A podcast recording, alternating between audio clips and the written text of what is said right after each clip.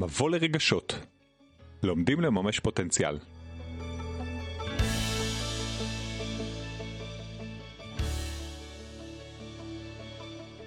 פרק רביעי רגש וקריירה.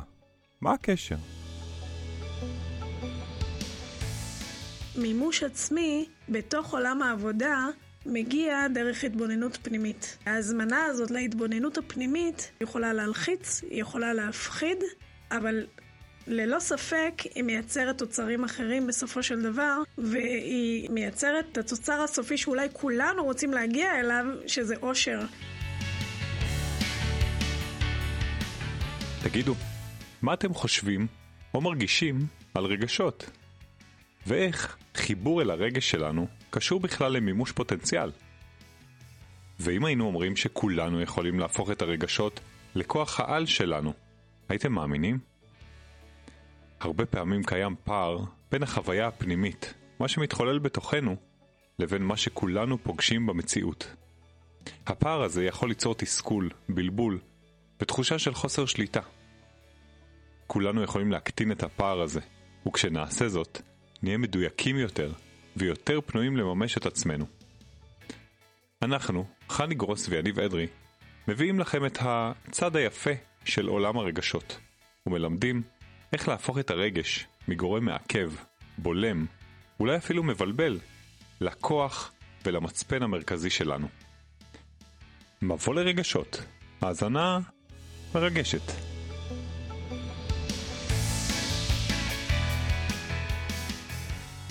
אחד הדברים שעולים לי הכי חזק כשמדברים על מימוש עצמי, זה עבודה. ובפרק הזה אנחנו הולכים לדבר על הקשר בין עבודה, עולם העבודה, תעסוקה של אנשים, לרגשות. יש בכלל קשר? אני חושבת שיש קשר שאולי בעולם החדש הוא קשר אה, אה, שהוא כבר מודע לנו. זאת אומרת, הוא נמצא במודע. בעולם הישן, ואולי תכף נדבר על ההבדלים ביניהם, הוא לא היה מודע. אבל באופן חד משמעי יש קשר בין המימוש העצמי שלי, בין העושר, לבין הקריירה. כלומר, אני יכולה להגשים את עצמי גם בהיבט של הקריירה ולהרגיש מימוש עצמי. אני יכולה גם שלא, אבל השאיפה שלנו בעולם החדש זה למצוא מימוש גם שם. אז את כאילו רומזת לזה שמי שמצליח לממש את עצמו מרגיש טוב, ואנחנו הולכים קצת להפוך את הפירמידה הזאת ולהגיד שבשביל להגיע למימוש עצמי, צריכה להיות איזושהי מודעות רגשית, גם בעולם התעסוקה. באופן שבו אני מגיע לבחירות שלי בעולם התעסוקה, במה לעבוד בכלל, ביחסים עם אנשים, עם שותפים, עם בוסים, עם עובדים שלי, עם עצמי בתוך העבודה, הכל קשור לרגש, הכל קשור לאופן שבו אני גם מתייחס אל עצמי ומדבר אל עצמי, ולשם אנחנו הולכים לצלול. קודם כל, דיברנו על עולם ישן ועולם חדש. Mm-hmm. בואי רגע נגדיר מה זה אומר. העולם החדש והעולם הישן מבחינת קריירה זה קודם כל האופן שבו האינדיבידואל רואה את עצמו בתוך עולם העבודה ומה זה עבודה בשבילו. ואם פעם אה, עבודה הייתה לה מטרה מאוד ברורה שזה לפרנס אותך ולדאוג לצרכים הבסיסיים ושתהיה עבודה מסודרת אה, וזה היה פסגת השאיפות כי חיינו יותר אה, בתור קולקטיב והאינדיבידואל היה פחות המרכז ועולם העבודה הסתנכרן בהתאם. הרוב היה יותר בוא נגיד, נגיד תעשיות חברות או ייצור, עולם ההייטק הלך ולאט לאט התפתח, אבל מושג של מימוש עצמי, התפתחות אישית, או כל המושגים שאנחנו היום שומעים בשפע, זה לא היה משהו שהיה שגור, לא נכון. לא דיברו על זה. ובעצם משנות ה-80 איפשהו מתחיל להתפתח הדור ש... שנקרא New Age, וגם עולם התעסוקה הסתנכרן באיזשהו מקום עם הדבר הזה. והתקדמנו אט אט אל עבר עידן שהוא יותר אינדיבידואליסטי. זאת אומרת, יותר חשוב לאנשים לממש את עצמם. ובעניין שלנו אנחנו מכניסים את הרגש כביטוי של האינדיבידואל. כן. כמה אני מתייחס לרגשות שלי כשאני חושב על עבודה. העבודה היא אמורה להיות איזושהי נקודה שאליה אני רוצה להגיע, ולכן אני לוקחת את זה אפילו צעד אחד אחורה. כמה אני לוקח את הרגשות שלי בחשבון בזמן שאני בוחר מקצוע, שאני בוחר לעצמי עיסוק. והאם זה פקטור בקבלת החלטות של בחירת עיסוק אצלי. ואם זה בכלל פקטור, האם אני לוקחת את זה בחשבון בצורה שהיא חיובית או שלילית או ניטרלית או, או איפה זה נמצא בתוך קבלת ההחלטות שלי. אז אם אנחנו חוזרים רגע להגדרה של העולם הישן והעולם החדש, בעולם הישן לא נתנו לזה הרבה מקום. לא נתנו מקום לעולם הרגש, לא נתנו מקום לעולם הרגש בעת קבלת ההחלטות, ולכן כשדיברו על קבלת החלטות לדוגמה בנושא של עבודה, אם הייתה קבלת החלטות, אם לא הייתי ממשיכה את המסורת של ההורים או של הדורות הקודמים, אז בעצם דיברו על פרמטרים שהם מאוד מאוד יבשים. זאת קבלת החלטות זה לקבל נתונים, להחליט, אפילו יש ביטויים כאלה של להיות מחושב, להיות קר. כן. לא להיות רגשי, לא לערבב רגשות בקבלת החלטות, נכון. אולי אפילו נעשה פרק על קבלת החלטות. כדאי אנחנו... שנעשה פרק על קבלת כדאי. החלטות. ואנחנו בתוך עולם התעסוקה ושם יש המון החלטות. במה לעבוד, האם לעבוד במשהו שאני אוהב, האם להישאר במקום עבודה, אם טוב לי או לא טוב לי, המון המון המון שיקולים, ואנחנו אומרים, כל השיקולים האלה מתחברים לרגשות ומתחברים לשיח הפנימי שלנו עם עצמנו. בואי נראה איך זה עובד, על מה אנחנו מדברים כשאנחנו מדברים על רגשות ותעסוקה. אז בעצם רגשות ותעסוקה בעולם החדש שבו אנחנו נמצאים, זה בעינינו אולי חלק בלתי נפרד גם מקבלת ההחלטה של מה אני הולך לעשות, אבל גם ההתנהלות, כמו שאתה אומר, בתוך עולם העבודה. היומיומית. היומיומית. כן, וכמו שרגשות הם חלק מההתנהלות היומיומית בכל פרמטר בחיים שלנו, בטח בהיבט של, של תעסוקה או של קריירה, ויש הבדל, אגב, בין עבודה שהיא עבודה לבין קריירה, ואיך בכלל קריירה יכולה להיות גם אולי מימוש עצמי בשבילי, ושם יש את הקשר לרגשות. את מדברת פה על שני מושגים, בואי נעשה בהם קצת סדר. אחד שהוא קריירה במובן הישן. אפרופו ישן חדש, אנחנו מסתכלים על הקרייריסט או הקרייריסטית ואנחנו אומרים בן אדם שהתקדם בעבודה, צמח וגדל והחלק המוקדש לעבודה בחייו או חייה הוא גדול ויש איזושהי צמיחה אה, טורית כזאת, mm-hmm. התקדמות בתפקידים, התקדמות בשכר, התקדמות בסטטוס. באמת בן אדם שמקדיש את חייו לעבודה זה קריירה, אבל זה קריירה מסוג אחד. זו הקריירה הקלאסית אולי נקרא לה כאן.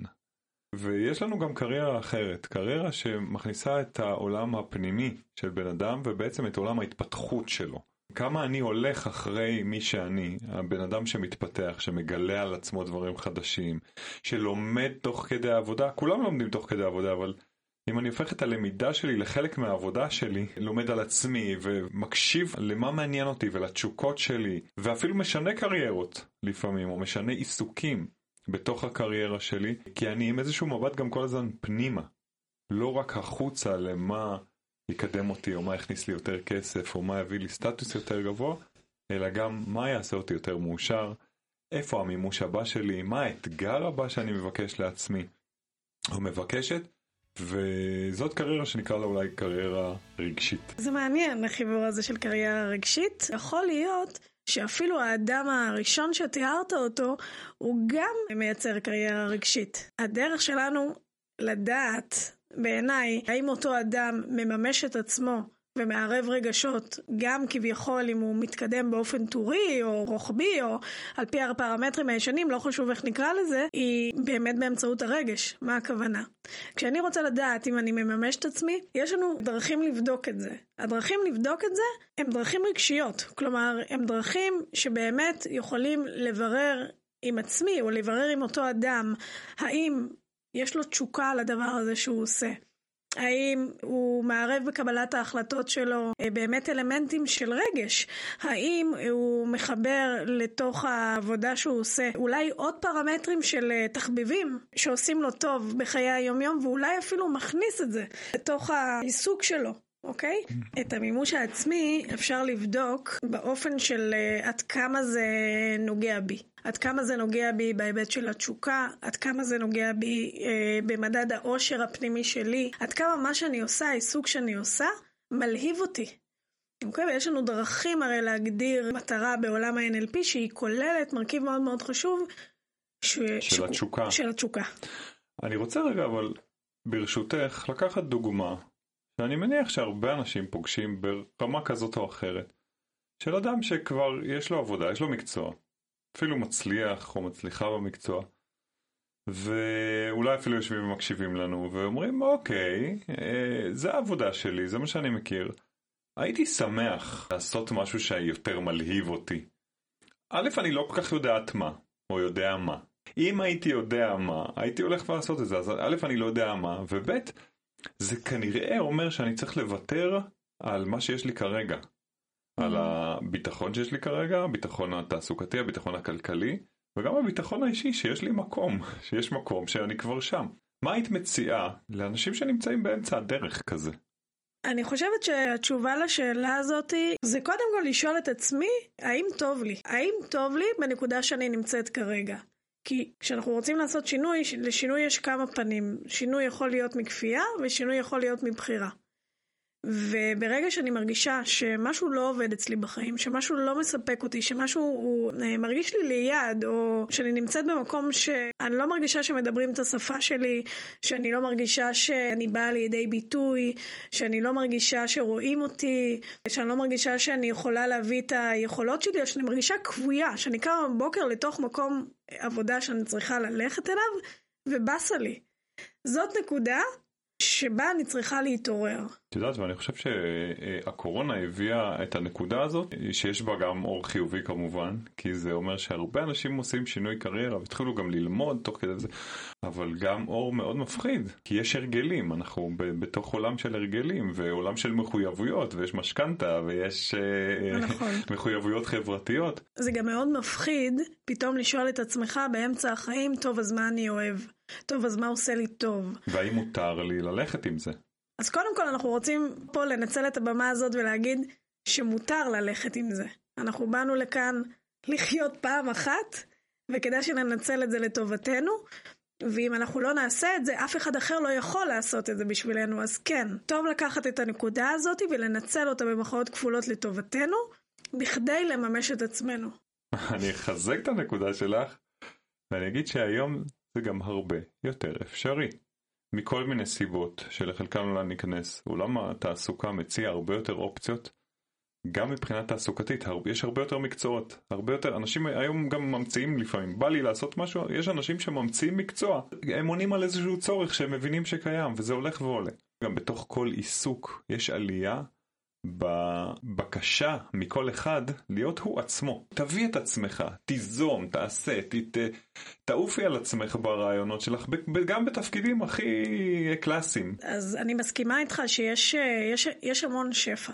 יש המון שפע של, אה, של אפשרויות והעולם נהיה שטוח ואפשר באמת להגיע ב, בלחיצת כפתור לכל מיני הזדמנויות שפעם לא ראינו אפילו שהן קיימות. שזה שוב מצד אחד מאוד מאוד מאוד מרחיב ו, ו, ומרגש ומאפשר ומצד שני זה מאוד מלחיץ כשאתה לא יודע מה אתה רוצה. ולכן אנחנו חושבים שנקודת המוצא שצריכה להיות בכל צומת, ולא רק צומת תעסוקתית, זה חיבור למה אני מרגיש בכאן ועכשיו. ואם בכאן ועכשיו, בנקודה הנוכחית, לא טוב לי, ממש לא טוב לי. אנחנו נדבר על מה ההבדל בין תחושות לרגשות, אבל ברמה של התחושות אני יכולה להרגיש שהגוף שלי מכווץ, אני יכולה להרגיש שמנח גוף שלי הוא מכופף ולא זקוף, אני יכולה להרגיש שאולי דפיקות לב לפעמים מואצות, אני יכולה להרגיש אפילו זיעה קרה או, או דברים שהם לא נעימים כשאני חושבת על אה, לקום לעוד בוקר של עבודה, או שאפילו אני נמצאת שם, וגם אני יכולה לראות שברמת ההתנהגות אין לי ביטוי. אין לי ביטוי במקום שבו אני נמצאת. אני חושב שאחת המילים שמאוד מאוד נוכחות בתקופה הזאת ומאוד מתבטאות בתוך הגוף זה הסטרס. יש לגשת לעבודה מתוך איזשהו סטרס, להספיק, להיות מספיק טוב. בכלל סטרס אולי שנובע מזה שאני הולך לעשות כל היום משהו שלא מדבר אליי. זה אהמ. מוליד המון אהמ. סטרס. לעבוד עם אנשים שלא נוח לי לעבוד איתם, מוליד המון סטרס. ולכן באמת הכלי הראשון שאנחנו יכולים לתת כנקודת פתיחה, ושוב, אני חושבת שאנחנו מדברים על תהליך, זה לא אה, זבנג וגמרנו וזה לא קסם, אבל הכל מתחיל מצעד אחד וזה יכול להישמע אולי קלישאה, אבל... אבל זה באמת נכון, כי ברגע שאני לוקחת את המודעות שלי ומכוונת אותה למקום הזה שאני יודעת בנקודה הספציפית הזאת שמשהו כאן לא עובד, לא רק מספיק לדעת שזה לא עובד, צריך לדעת מה קורה לי ומה הסיבה שזה לא עובד, ולהתחיל ולשאול את עצמי שאלות. אז באמת הכלי הראשון שאפשר להשתמש בו, אחד זה מודעות לגוף. מודעות לתחושות שיש לי בגוף ברגע הזה כשאני קמה בבוקר ויודעת שאני הולכת לא, לאותו מקום, ברגע הזה שאני נמצאת באותו מקום ומה זה עושה לי. מכווץ אותי, מטלטל אותי, מה קורה לי שם, זה הדבר הראשון. אנחנו ממש מפנים את כל מי שמאזין לבדוק איפה בגוף. זה קצת מוזר, אבל ממש לבדוק איפה בגוף. יש הרגשה, הרגשה של התכווצות מסוימת, כנראה הרגשה לא נוחה, אולי אפילו כאב, ורק לשים לב לזה רגע. להיות עד לזה שזה לא רק איזושהי מחשבה או תחושה או משהו שהוא לא לגיטימי ואם הוא יעבור כי אני אתחיל את היום וממילא יהיה לי מים של משימות ואני אשכח את עצמי, הוא נוכח שם, הוא נמצא שם. ואני אפילו אגיד יותר מזה לאורך זמן, ההתעלמות הזאת. ממכאובי הגוף, את דיברת על כתפיים, על צוואר, כאבי ראש, ברכיים, גב, מתבטא גם ממש בעניינים פיזיים, ובואכה גם מחלות, לא עלינו. השלב השני זה לדעת לשאול את עצמי שאלות. שזה בפני עצמו בעיניי אחד הכלים הכי עוצמתיים שיש לנו האנשים. לשאול את עצמנו שאלות ולדעת איך לשאול שאלות.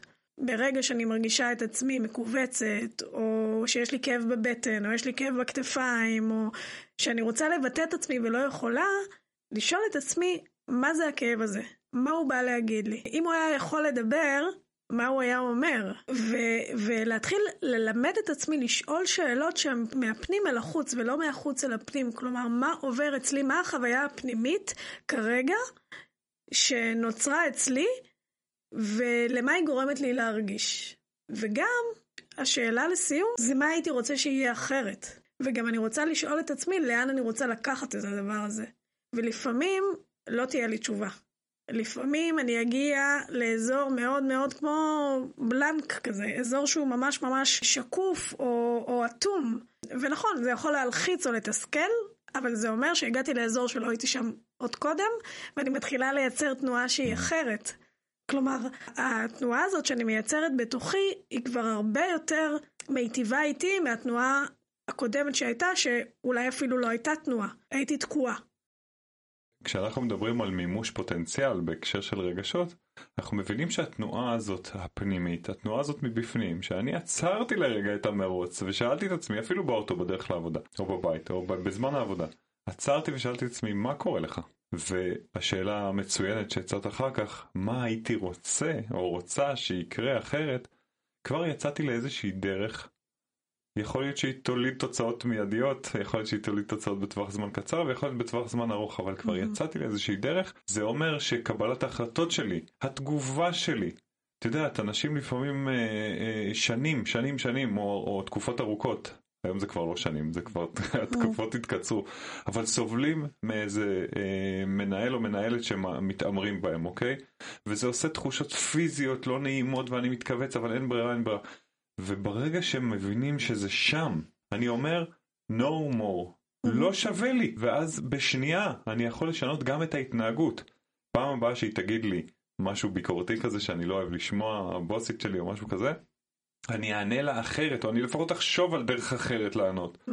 או שאני אגיב אחרת. וגם... וזה כבר יתחיל לשנות אותי בתוך העולם של התעסוקה. יכול להיות שמשהו ביחסים ישתנה, יכול להיות שאני אעזוב, יכול להיות ש... לא יודע מה, אבל יתחיל לקרות משהו. יתחיל לקרות משהו, גם אם, לא, גם אם התגובה לא תהיה אופטימלית, ואני אלמד להגיב אחר כך אופטימלי, עבורי, שוב, יתחיל לקרות משהו, אוקיי? אנחנו יודעים שהשינוי הוא לא אינסטנט, אנחנו יודעים שאנשים יכולים להיות אגב בצמתי שינוי תקופות מאוד ארוכות, ולפעמים צריך את העזרה הזאת החיצונית, שמישהו יכוון אותך לרגע, או, או ישקף לך את uh, מה עובר לך בפנים, כדי לסדר לש, לרגע את התמונה הזו. לפעמים יכולים להיות חסמים רגשיים, שהם חסמים רגשיים ש, שיושבים על אמונות uh, איתם גדלתי, על קולות של ההורים שלי שאני עדיין שומעת, שצריך עבודה שהיא מסודרת, שצריך, שתהיה פנסיה וקרן השתלמות, טה-טה-טה-טה, ולפעמים הקולות האלה יכולים לעכב אותנו. מה שאנחנו מציעים פה להתחיל ולשים לב, שהוא בדיוק מקושר למימוש העצמי, זה לשים לב לעצמנו. וזה אה, אולי אה, הצעה או הזמנה שהיא יכולה גם באמת להפחיד. אני מודעת לזה שזה יכול להפחיד, אבל אבל uh, הפחד, הרי אנחנו יודעים שהפחד הוא, הוא דחף. Mm-hmm. אם לא הייתי פוחדת, כנראה שזה לא היה מספיק חשוב לי. ולכן שני הכלים הראשונים שבאמת אנחנו uh, צריכים להתעסק עליו, שאנחנו מחברים בין קריירה לרגש בהיבט של מימוש עצמי, זה א', לשים לב לתחושות שלי, ב', להתחיל לשאול את עצמי שאלות, גם אם כרגע אין לי תשובה. השלב הבא זה בעצם לדברר את הדבר הזה החוצה. Mm-hmm. לדבר עם מישהו. אנחנו בעצם מתחילים לייצר פה, לחולל פה תנועה אחרת פנימית, שאם היא לא תהיה מדוברת, אני יכולה להחריש אותה בעצמי עוד המון המון המון, בתוכי סליחה, עוד המון המון המון זמן, מבלי לעשות את הצעד הזה להוציא אותה לעולם. וברגע שאני מתחילה לדבר את זה, אפילו עם חברה, או אפילו עם, אה, עם הבן זוג שלי, או לא חשוב עם מי, גם עם איש מקצוע, אני כבר מתחילה לחבר בין העולם הפנימי שלי לעולם החיצוני שלי, ואני מתחילה לחולל כבר תנועה בעולם בחוץ. דיברת על אמונות, ודיברת על דיבור עם מישהו, עם איש מקצוע, ודיברת על שינוי, ויש לי דוגמה מצוינת בשבילך. מישהי שהאמונה שלה הייתה שהיא לא מספיק מעניינת. אין לה מקום לביטוי העצמי שלה וליצירתיות שלה לבוא לידי ביטוי בעבודה. והיא כל הזמן הרגישה שהמרחב האישי שלה מצטמצם, ושגם היא, היא כל פעם גם מגיעה לאיזה מבוי סתום שהעבודה מתישהו משעממת אותה. ואז היא מתחילה לעשות מה שמשעמם לאנשים בעבודה והם עושים, יש שחיקה, ויש בסוף איזה שכנראה זה מגיע לאו שהיא עוזבת או שהם מעזיבים אותה. וכשהתבוננו על הפאטרן הזה, אמרנו, אבל איפה המקום שלך האישי, היצירתי? וחוץ מזה שהתחלנו לחשוב על איך היא יכולה להיות יצירתית בעבודה, עבדנו גם על האמונה הזאת. בשינוי קל שהיא מתחילה להגיד לעצמה, מותר לי להביא את עצמי לעבודה. מותר לי להגיד את דעתי, מותר לי להיות יצירתית אפילו. וזה היה פשוט מדהים לראות איך בדיוק האמונה הזאת שהשתנתה, הדיבור הזה, עצם העובדה שהיא העלתה אותו קודם כל, ואז היא שינתה אותו, mm-hmm. וואו, פתאום פתח איזה אופק, לא רק על איך שהיא באה לעבודה ומה שהיא מביאה, גם איך שרואים אותה. ואני חושב שדיברנו על, בהתחלה על, על, על העידן הזה, יש בקשה מאנשים להיות הם, ולהיות מחוברים לעצמם, ולהיות אותנטיים, ולהיות יצירתיים, ולהעביר רעיונות, ו... יש הרבה הרבה יותר פתיחות מפעם לרעיונות של כל אחד, ליוזמות של כל אחד, וזה, אני חושב, מתחיל מבפנים, מהרגשה שמותר לי. אתה הבאת כאן דוגמה שבאמת, היא, אם דיברנו קודם על העולם הישן והעולם החדש, על זה שאנשים אולי נמצאים גם היום בעבודות שלא הכי בא להם ולא הכי כיף להם, אבל כבר יש התחייבויות. אנחנו לא יכולים תמיד לעשות שינוי שהוא כל כך קיצוני ולעשות קריירה שנייה, או ממש לשנות, אה, לעשות הסבה, לא כולם יכולים, או אפילו רוצים לעשות את זה, ולכן מה שאתה מציע פה בעצם, זה להתבונן פנימה לתוך עצמך, ולראות בתוך עצמך איך אתה יכול להביא את המימוש של מי שאתה, ברגע שאתה מכיר את עצמך, אולי משנה אמונות כל כך שורשיות כמו שאין לי מקום לביטוי אישי, ובמקרה הזה לעבוד על זה. וכן להאמין שיש לי מקום לביטוי אישי וכמובן זה אחרי, במקרה הזה אני מניחה שזה אחרי עבודה, אבל ברגע שאני כבר מתחילה לייצר את ההבנה הזאת שאני יכולה לממש את עצמי, אולי בהיבטים נוספים, גם בתוך העיסוק שלי כרגע, גם מבלי להחליף אותו, אנחנו לא מדברים פה בדוגמה הזאת על שינוי קיצוני, זה כבר מאפשר לי לחיות עם עצמי במימוש הרבה יותר גבוה ובתחושה של סיפוק ובתחושה של אושר. הסיבה שאנחנו מחברים בין מימוש עצמי לרגשות בעולם העבודה היא מאוד מאוד מחוברת למושג שקוראים לו well-being. כי בכדי לייצר well-being בחיי היומיום שלי, אני צריך לחוות תחושות אה, טובות. תחושות שקשורות לסיפוק, שקשורות לשמחה, שקשורות גם לאושר, לא לרגעי אושר, לא לאיזשהו חלום... לא אה, לאושר הזה שלפעמים מצויר על ידי אה, סממנים פיזיים בדרך כלל של הצלחה ושל אושר כלכלי. גם, דרך אגב, אנחנו באמת חושבים שאדם שמחובר לעצמו מממש את עצמו, נהנה ממה שהוא עושה, גם סביר להניח שימצא את המוטיבציה להתפרנס יותר, ימצא את ה... יעשה את מה שהוא אוהב ויהיה טוב בזה ויתקדם. יש כאלה שירוויחו מזה גם יותר, גם יש כאלה שלא דרך אגב. אבל ה-well-being הוא כל כך כל כך בבסיס הדברים, רוצים להיות במימוש, רוצים להיות בהנאה ממה שעושים, אם לא כל הזמן אז לפחות חלק מהזמן. יש פה חיבור עמוק למה אני מרגיש בכל רגע. Mm-hmm. הבדיקה הזאת שאת הצעת היא טסט כזה. כל יום, כמו שעשינו בדיקות קורונה כל יום. לעשות רגע טסט זה לא אומר שזה ישפיע על ההחלטה שלי היום, אבל זה אומר שזה יתחיל להניע מהלך. בדיוק. שהוא מהלך שמתחיל מבפנים והוא יתבטא גם החוצה. אני זורעת זרעים, בדיוק. זה בדיוק העניין. תהליך שינוי מתחיל ברגע שאני מתחילה לזרוע זרעים, או ברגע ש, שאני מתחילה לערער על המקום שאני נמצאת בו, או שאני מבינה שמשהו פה כבר לא, לא עובד לי נכון, ואז אני מתחילה להניע את הגלגל הזה של השינוי. אבל הדבר הראשון שצריך להביא לתוך תהליך שינוי הוא מודעות, אוקיי? ואנחנו מציעים מודעות שהיא מסוג אחר. אנחנו מציעים מודעות רגשית. מודעות שהיא בעצם קודם כל תשומת לב לגוף שלי, תשומת לב למחשבות שלי, תשומת לב לרגשות שלי, ותשומת לב למקום שאליו אני ארצה לקחת את האנרגיה. כשאת אומרת לקחת את האנרגיה, זה ממש אה, לראות איך זה שאני מקשיב לעצמי וזה שאני פועל בצורה שמוצאת חן בעיניי, זה לא משנה אם אמרתי עכשיו למישהו את דעתי אחרי שאף פעם לא אמרתי לו, או שפתאום בתוך העבודה שלי עשיתי איזשהו פרויקט או פעולה מסוימת כמו שאני רציתי וזה עבד, זה נותן בדיוק. אנרגיה, וברגע שזה, ששם נמצאת האנרגיה, פתאום עולים דברים חדשים, פתאום אני מתחיל לפעול אחרת, היחסים שלי נראים אחרת, פתאום אני אגב מחליט לפעמים שוואלה, המקום שבו אני עובד לא קרקע פוריה עבורי לממש את עצמי וזה גם בסדר. זה, זה כמובן כרוך בשינויים אבל אנחנו כבר פחות מפחדים משינויים בואי נשים את זה שם. Mm-hmm. זה בסדר לעשות שינוי זה אפילו לפעמים לאנשים מסוימים זה חובה.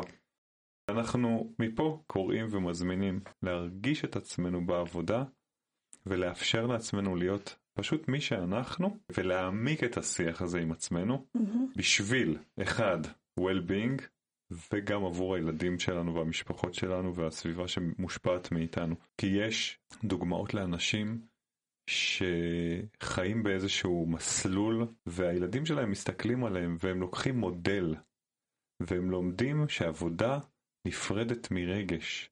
ואז הילדים האלה באופן ממש ממש לא מפתיע עשויים לפתח בדיוק את אותו דפוס. ולכן פה אני מדבר לרגש של אנשים שאומרים רגע להסתכל מה ההשלכות, מה הם התוצאות של ההתנהלות שלי. זה לא רק נגמר ביני לבין עצמי שאני ארגיש לא טוב או כן ארגיש טוב, כי יש אנשים שאומרים בסדר, אני מוכן להישחק ואני כבר מכיר את העבודה והכל בסדר, תן לי את הפרנסה שאני רגיל, הכל סבבה. לא בהכרח זה נגמר שם, זה עובר לילדים ואחרי זה פתאום תסתכל על הילד שלך או שלך ותראו שהם אה, הולכים במסלול שהוא גם, אני קורא לזה, בקהות רגשית עם עולם התעסוקה.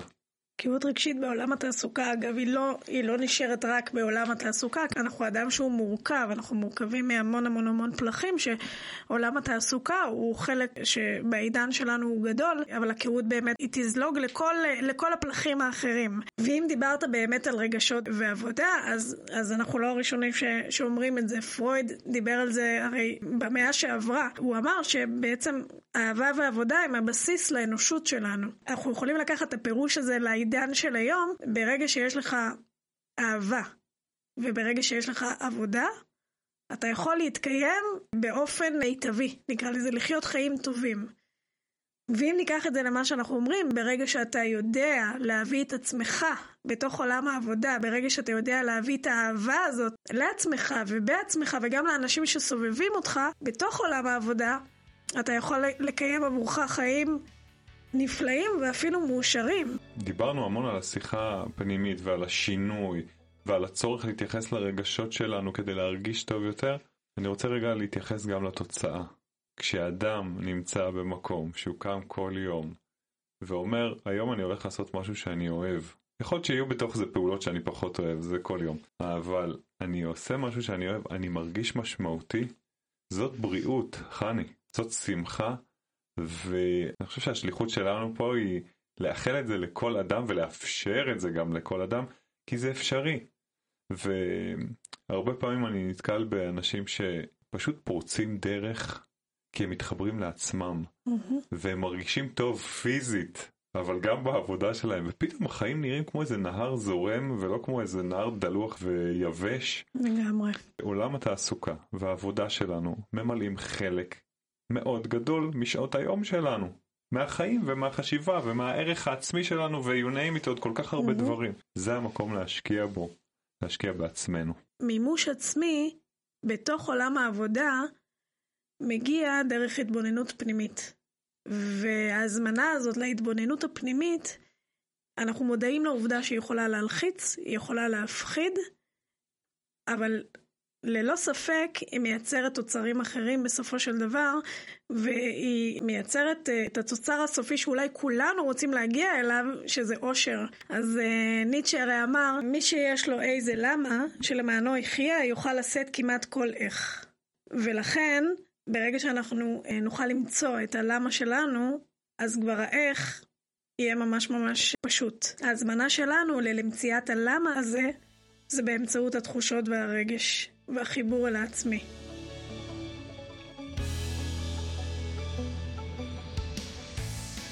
התרגשנו להגיש לכם את הפרק על רגש וקריירה. אנחנו מקווים שהדברים שנאמרו בפרק הזה יכולים לעניין, או אולי אפילו לסייע לאנשים שאתם אוהבים ואוהבות. פשוט תעבירו להם, זה קל ועושה טוב. תוכלו לשמוע עוד פרקים וגם לדרג אותנו באפליקציות השונות, ספוטיפיי, iTunes, Google Podcast, ובקרוב גם באתר שלנו. מבוא לרגשות. האזנה מרגשת.